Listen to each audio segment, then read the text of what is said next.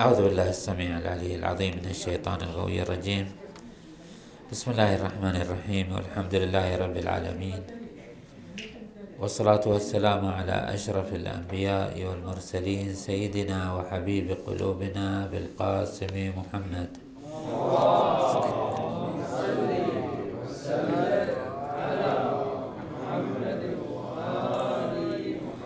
وعلى أهل بيته الطيبين الطاهرين. المعصومين الميامين. قال الله العلي العظيم في محكم كتابه الكريم بسم الله الرحمن الرحيم. حتى إذا جاء أحدهم الموت حتى إذا جاء أحدهم الموت قال رب ارجعون. لعلي أعمل صالحا فيما تركت. لعلي أعمل صالحا فيما تركت.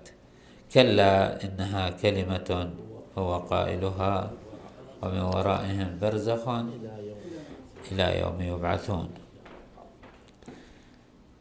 فإذا نفخ في الصور فلا أنساب بينهم يومئذ ولا, يتساء ولا يتساءلون. صدق الله العلي العظيم. لازل الحديث في سكرات الموت وما يرتبط بالموت وما بعد الموت من الجريانات التي تجري على الإنسان.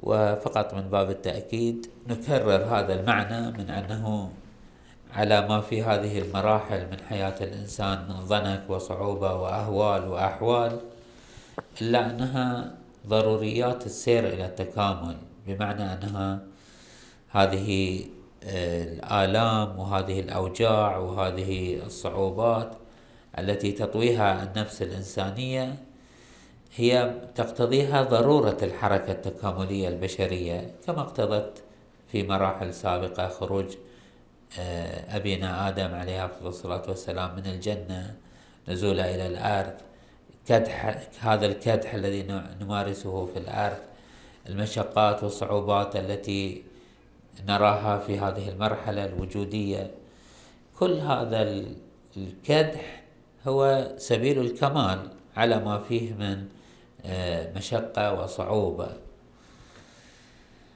هذا المرحلة مرحلة الموت وما بعد الموت أشرنا إلى أنه طريق معرفة هذه الملابسات هو آه، الأخبار نعم أخبار أولى المعرفة أو البصيرة.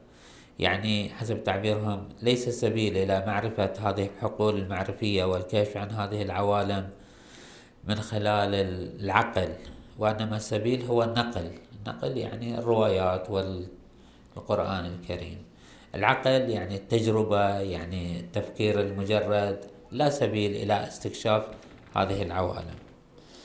كانت المرحلة الأولى في هذا العالم عالم الموت هي عالم النزع سكرات الموت وأشرنا إلى أنه يعبرها الإنسان تارة بشكل سلس وسلا للنفس سلا سهلا وأخرى يكون بنزع وآلام وصعوبات. البارحة قرأنا هذه الآية ولو ترى إذ يتوفى الذين كفروا الملائكة يضربون وجوههم وأدبارهم. إذا هناك أهوال وأحوال حال الموت.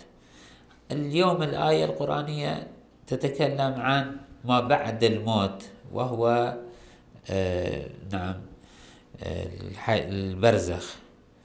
والروايات في عالم البرزخ وأحوال البرزخ وهذه المرحلة مرحلة خروج الروح والدفن في القبر وجلوس الإنسان والحساب وال وأن القبر روضة من رياض الجنة أو حفرة من حفر النار وماذا يصاحب هذه الحالة؟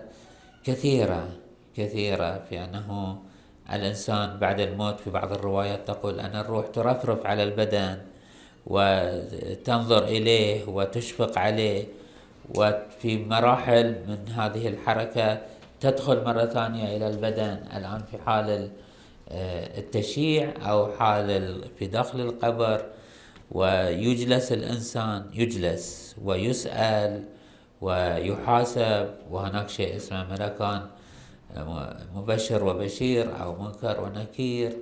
ولذا يستحب آه، مثلا آه، تلقين الميت وتوصيته الميت وترفع الصوت وتقول في قبره أنه يا فلان يا اشهد أن الله إذا جاءك الملكان وصحيح؟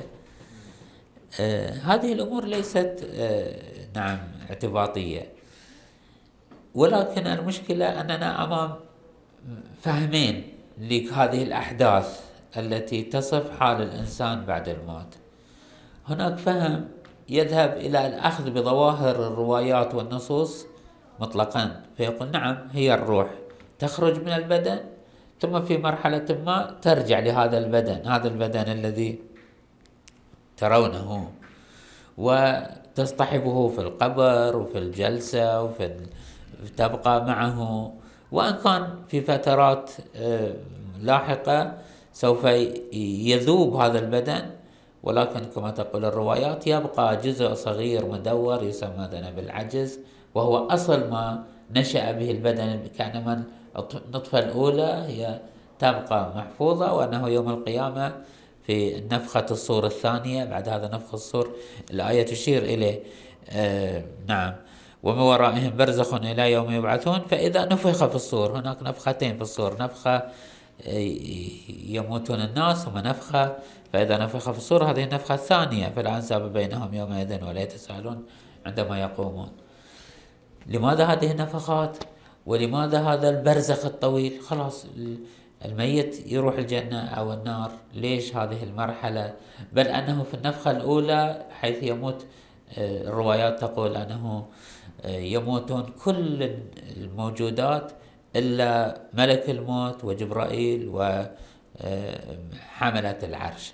ثم يأمر الله ملك الموت بأن يأمر جبرائيل بأن يموت.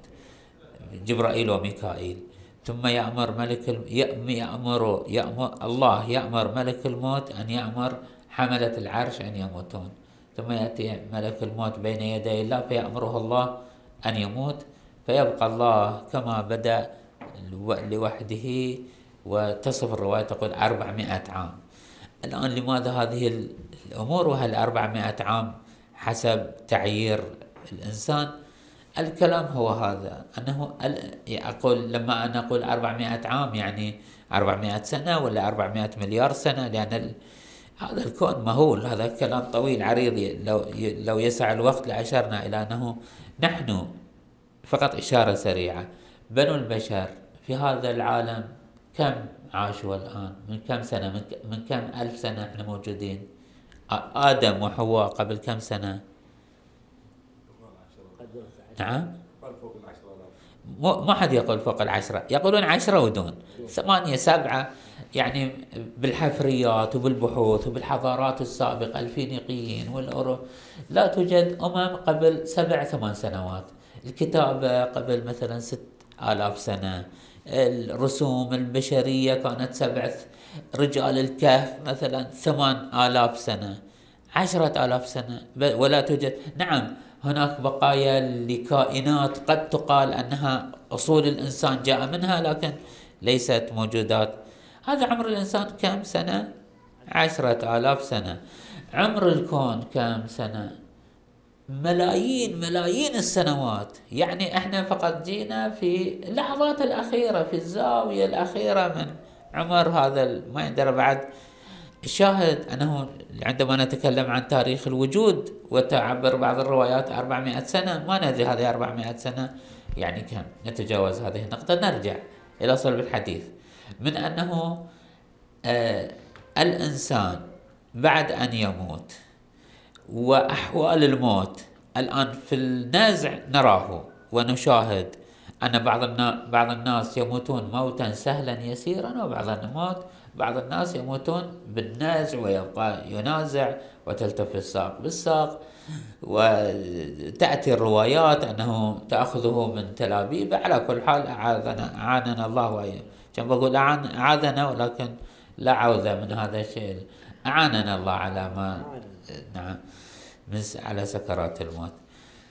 اللهم إنا لا نسألك رد القضاء ولكن نسألك اللطف فيه هو قضاء جار لابد أقول أنه بعد الموت سوف تختفي علينا ظواهر الأمور. وين تروح الروح؟ كيف تكون؟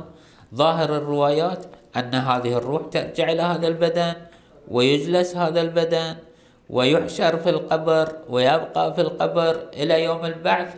وكما قرأنا بالأمس الآيات أنه يخرجون من الأجداث كأنهم جراد منتشر يخرجون من القبور. وأنه هناك علقة بين الذي دفناه في الأرض والذي سوف نستخرجه. فالبعض يأخذ هذه الروايات والنصوص على ظاهرها. والبعض الآخر يقول أنه مستحيل هذا الكلام. مثلا من المستحيلات أنه مثلا الآن لعله أمس أشرنا بشكل سريع إلى أنه اليوم يمكن رصد ما يجري في داخل القبر من غير أن نحفر القبر. نأتي بأجهزة تجس وتتحسس بالأصوات ومثلا الكهرباء الذي يجري داخل القبر. لا نجد لا ملائكة لا مبشرات ولا منكرات ما تدخل القبر. ثم أنه كما يعبر بعض العلماء ولعله الإمام الخميني رحمة الله عليه. يقول إذا كان القبر روضة من رياض الجنة كما تقول بعض الروايات. إذا كان هذا القبر يعني القبر هذا المادي الترابي وأنه يفتح للميت المؤمن طبعا. طريقا إلى الجنة تهب له منه ريح الجنة ورائحتها. لو فتح أقل من هذا من مقدار قبر لملأت الوجود كله رائحة ولو أنه فتح علينا من النار بمقدار قبر لاحترقت الدنيا. كيف يفتح مجال واقعي تكويني ولا يكون له أثر إلا داخل القبر وينتهي؟ بل أنه من الواضح أنه كثير من مثلا يقال ما يقال من أنه الميت في القبر إذا كان خبيثا سوف تأتي عقارب وحيات. هذا قبور تنهدم وتنفتح ولا نشوف لا نشوف حيات. ولو كانت في ضفاء حيات نعم خرجت. لماذا تبقى داخل الحي بعد بس تأكل الآدمي وتروح؟ نعم أنه يتحلل وتأكله الدود هذا ملموس واضح. ولكن أن تكون هناك عقارب وحيات هذا إحنا نروح نروح نزور المقارب ما توجد عقارب وحيات في نعم. لو كان كل قبر اللهم أن يكون المقابر اللي نزورها كلها آه، شو اسمه روضات من رياض الجنة. هذا أمر آخر. إذا هناك آه، كلام أنه هل أن هذه الروايات تحمل على ظاهرها وأن الكلام بين روح الإنسان وجسده ترجعان كما هو حال الحياة أو أن المسألة تصبح آه، ملكوتية. كل ما ورد في الروايات عن توصيف ما يصاب به الإنسان بعد الموت سواء بعد النزع أو حال مثلا التشييع أو حال الدفن أو مثلا بعد إغلاق القبر وذهاب الناس ومجيء منكر ونكير.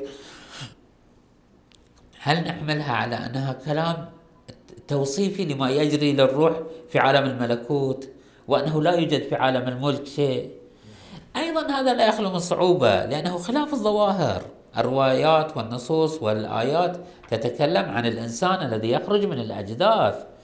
بل لنلاحظ هذه الرواية الواردة عن الإمام الصادق على أنه أكرر ما ذكرته سابقا كمقدمة من أن هذا العالم عالم آه، تختلط فيه قوانين السماء بقوانين الأرض والإنسان لا يعيش إلا مع قوانين الأرض. فكل ما يذكر من كلام عن قوانين السماء لا نفهمه. يعني لسنا مؤهلين. وهذا ما ذكره الإمام الصادق بالصراحة أنه فيكم القوي وفيكم الضعيف. ليس كلنا يستوعب هذه المعاني. وهذه المعاني فيها ما يتعقل وفيها ما, ما يصعب تعقله. نلاحظ هذا الحوار الطويل بين الإمام الصادق عليه أفضل الصلاة والسلام وأحد الملحدين يسأل الإمام عليه السلام عن الله عز وجل وعن وجود الله وعن كما ورد ذلك في كتاب الاحتجاج في حوار مفصل بين الإمام الصادق عليه السلام وشخص ملحد. جاء إلى الإمام عليه السلام وسأله عن كيف يعبد الله كيف يعبد الله الخلق ولم يراه. نتجاوز هذه الأحاديث التي جرت بين الإمام الصادق عليه السلام وبين الإمام بين الإمام الصادق عليه السلام وبين هذا الملحد فيما يرتبط بالأمور العقادية ونذهب مباشرة إلى ما يرتبط بالموت وما بعد الموت. إلى أن قال هذا الملحد أخبرني عن يريد يقول له أن الروح إذا خرجت من الجسد لا تبقى. ها أنا أرى الجسد وعندما يموت الإنسان خلاص لأنه الروح مثل مثل النور في السراج. إذا أطفأت السراج طبعا لا يذهب ذهنكم للسراج هذا ليت الكهرباء فليذهب ذهنكم. إلى هذا المصدر الإشعاع الكهربائي. إذا أغلقنا النور وين يذهب هذا إذا أغلقنا السراج أين يذهب هذا النور؟ ينتهي. لا يوجد له أثر خارجي. لا تستطيع أن تأتي لي تقول هذا النور الذي كان قبل قليل. لا تستطيع أن تقبض عليه وتقدمه لي. هذا الملحد يريد يقول للإمام عليه السلام أنه ليس بعد الموت شيء. قال الملحد للإمام أخبرني عن السراج. إذا انطفى أين يذهب نوره؟ قال عليه السلام يذهب فلا يعود يعني لا يبقى هذا النور. قال هذا الملحد فما أنكرت أن يكون الإنسان مثل ذلك؟ أيضا الإنسان يموت يعني روحه بعد ما يوجد شيء خلاص هو هذا ال... نعم. فقال عليه السلام نعم. أنك لم تصب القياس ليس هكذا الكلام. هنا ما نريده أن نتصور ما هو علاقة الروح بالجسد وكيف أن هذا الروح تبقى وسوف تكون لها علاقة بالجسد؟ فقال الإمام عليه السلام أنه الأمر ليس كما ذكرت أيها الملحد وأنه لم تصب القياس يعني ليس تشبيهك ليس كالمشبه. ولكن إن النار في الأجسام كامنة والأجسام قائمة. ضربنا سابقا هذا المثال أن هذا الأحجار التي نراها الخشب التي نراه الذي نراه هو منطوي على مكنون النار بدليل أنه إذا وضعنا هذه الأخشاب في الموقد واحترقت ثم انتهت النار تبقى الجمرة منطوية على هذه الخشبة هي منطوية على هذه النار. بمجرد أن تحرك الهواء تشتعل هذه النار فهي مكنونة. ما هذه؟ مثل الروح والجسد. فالنار ثابتة في أجسامها وأما الضوء فذاهب. فيقول له الإمام عليه السلام أن النار في الأجسام كامنة والأجسام قائمة بأعيانها كالحجر والحديد فإذا ضرب أحدهما بالآخر سطعت من بينهما من بينهما نار. تقتبس منها سراج له ضوء. يعني الضوء هو ناتج عن النار ولكن النار هي الموجودة. فالنار ثابتة في أجسامها والضوء ذاهب. والروح جسم رقيق الآن هل هو جسم أو الآن من باب التقريب؟ نقول هو جسم رقيق. قد ألبس قالبا كثيفا وهو البدن. ثم نتجاوز بعض الحوارات بين الإمام عليه السلام لأن الرواية طويلة ولن يسع الوقت للإشارة إلى كل مضامينها. قال الملحد فأين الروح؟ قال في بطن الأرض. الروح تكون في بطن الأرض مع الجسد. وهذا ما أريد أن أقوله. هناك علقة وهناك ترابط بين الروح والجسد حسب ظاهر هذه الروايات. قال في بطن الأرض حيث مصرع البدن. لاحظ البدن نحن ندخله آه، داخل الأرض. الروح تتبعه. الآن لماذا تتبعه؟ ما هي علاقته به؟ حيث مصرع البدن إلى وقت البعث. قال الملحد فمن صلب يعني هذه الأجساد التي لا تدفن إنسان آه، مات ولم يدفن. أين تذهب روحه فقال عليه السلام آه، في كف الملك الذي قبضها حتى يودعها الأرض. يعني بالنتيجة سوف ترجع إلى الأرض. قال فأخبرني عن الروح. أغير الدم؟ وهو دم؟ قال نعم الروح غير ما وصفت. يعني ليست هي دم. مادتها من الدم على كل حال كلام آه، طويل في هذا الباب. ثم قال هذا الملحد فهل يوصف توصف الروح بخفة وثقل لها آه، جوهر آه، يوزن قال الروح بمنزلة ريح في الزق. الزق يعني هذا الإناء المغلق هذا اللي كانوا يصبون فيه ماء. إذا نفخت فيه امتلأ الزق منها فلا يزيد في وزن الزق يعني على نعم. يقول كذلك الروح ليس لها ثقل ولا آه، نعم وزن. ثم في طيات الحوار قال هذا الملحد آه، أفتتلاشى الروح بعد خروج بعد خروجها آه، بعد خروجه بعد خروج الروح عن قلبه أم هو باق؟ وهذه هل الروح تنتهي؟ وهذه الروايات كثيرة. خلقتم للبقاء ولم تخلقوا للفناء. بل هو فقال عليه السلام بل هو باق إلى وقت ينفخ في الصور. فعند ذلك تبطل الأشياء وتفنى فلا حس ولا محسوس. ثم أعيدت الأشياء كما بدأها مدبرها وذلك أربعمائة سنة آه، يثبت فيها الخلق. يعني بعد موت الناس يبقون أربعمائة سنة من الثبات. ثبات يعني السكتة المطلقة لا يوجد حس ولا حسيس. وذلك بين النفختين بين النفخة الأولى نفخة الصورة الأولى ونفخة الصورة الثانية. الآن لماذا هذه الفترة؟ وكم هي هذه الفترة؟ وهل هي 400 سنة بهذا التعيير البشري؟ الآن نتركها في علم أهلها. قال وأن له بالبعث والبدن قد بلي. هذا مشكلة بشرية معضلة يغرق فيها الجميع. والأعضاء قد تفرقت فعضو ببلدة ببلدة بأكلها يأكلها السباع وعضو بأخرى تمزقه هوامها يعني الإنسان يتوزع بدنه. آه نعم. وعضوا قد صار ترابا يبنى به مع الطين حائط. قال عليه السلام إن الذي أنشأه من غير شيء وصوره على غير مثال كان سبق إليه يعني صنعه قبل أن قادر على أن يعيده كما بدأ. طبعا الرواية أيضا سوف تدخل في تفاصيل ما أدري يعني عن يعني أنه وأنه آه، بدنك في التراب مثل الذهب. ما أدري من من تعامل مع الذهب. طبعا الذهب يوجد بأشكال. يوجد قطع صخرية ويوجد مثل التراب مبثوث في التراب. الصاغه يأتون يأخذون هذا التراب ويضعونه في ماء. الثقيل ينزل فيتميز أو مثال آخر أيضا تضربه الروايات لطيف وهو مثل بدنك في التراب مثل الزبدة في الحليب. أول ما يحلب الحليب ما تجد الزبدة ممتازة مميزة عن الحليب وإنما بالمخض تمتاز الزبدة. فكما أن الله قادر على أن يميز الزبدة من من وسط الحليب يميز بدنك. نعم. قال أنا الذي. ثم آه، فقال هذا الملحد أوضح لذلك. قال أن الروح مقيمة في مكانها روح المحسن في ضياء وفسحة وروح المسيء في ضيق وظلمة والبدن يصير ترابا كما منه خلق. وما تقذف به السباع والهواء من أجوافها مما أكلته ومزقته كل ذلك في التراب. محفوظ. محفوظ عند من لا يعزب عنه مثقال ذرة في ظلمات الأرض ويعلم عدد الأشياء ووزنها.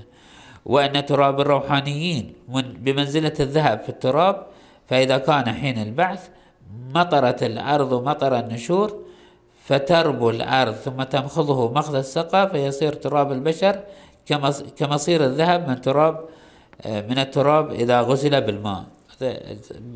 اللي يتعاملون مع الذهب يفهمون هذا المثال. والزبد هذا مثال آخر. والزبد من اللبن إذا مخض فيجمع تراب كل قالب إلى قالبه. فينتقل بإذن الله القادر. إذا تمييز بدنك الأصلي وجمعه لا يستعصي على الله عز وجل. لكن الكلام كل الكلام أنه هل هناك خصوصية لهذا البدن؟ وهذه المشكلة التي ذكرناها أشرنا إليها بالأمس وهي مشكلة تاريخية. يذكرونها يسمونها مشكلة الآكل والمأكول. أن بعض الأبدان تتكرر. آه، ثم أنه هذا التحلل يعني الإنسان في طي حياته يتحلل أكثر من مرة. فليس له بدن واحد له أبدان وهذه الأبدان مشتركة. يعني هذا الذي يتحلل من بدنه يتحول إلى نبات وهذا النبات يتحول إلى جسم آخر هذا الجسم الآخر فإذا هناك تداخل. فهل هناك خصوصية في. أو أنه هذه الأجوبة تسمى أجوبة تبكيتية. فقط لإسقاط الطرف المقابل أنه الله قادر على أن يرجع الجزء خلايا بدنك التي هي الآن. حتى لو توزعت يستطيع أن يرجعها. الآن هل هناك حاجة لإرجاعها؟ ما هناك حاجة؟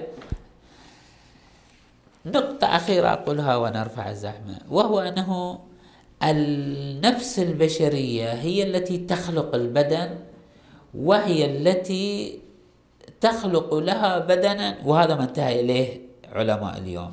علماء النفس والروح وعلماء الناظرين في عالم الملكوت. من أن النفس هي التي تتشك تشكل لها بدنا. بمعنى أنه هذا المقدار متيقن. أن آلام البرزخ وأحواله هي عبارة عن ما حققته أنت في هذه المرحلة الوجودية. الأخلاق التي تجسدها في نفسك. ولذلك في البرزخ ما في خطأ في الحساب ما في خلل ما في وزن بمعايير ال... لا هو أمور حسب تعبيرهم تتجسد الأعمال. يعني بمقدار ما تبني نفسك نظيفة نقية خالية من الحسد خالية من الكبر عندما تدخل في البرزخ سوف تحيط بك هذه الأحاسيس تحيط بك هذه الأخلاق هي التي سوف تطعمك حلاوة البرزخ. وعندما تتحلى نفسك عندما تصبغ نفسك بالحسد والبغضاء والعداوات عندما تموت هو هذا جسدك هو هذا يعني ما تعيشه في البرزخ هو أنت ذاتك ليس شيء آخر. الآن هل هناك علقة بين هذه الروح وهذه المادة التي فنيت أو ما توجد علقة؟ هذا أمر غامض مبهم الروايات كما تلاحظون فيه قابلة لأن تحمل على ظاهرها مئة في المئة وقابلة أن تجرد مئة في المئة. والله العالم بحقيقة الحال. ونكتفي بهذا المقدار والحمد لله رب العالمين. وصلى الله على محمد وآل بيته الطيبين الطاهرين.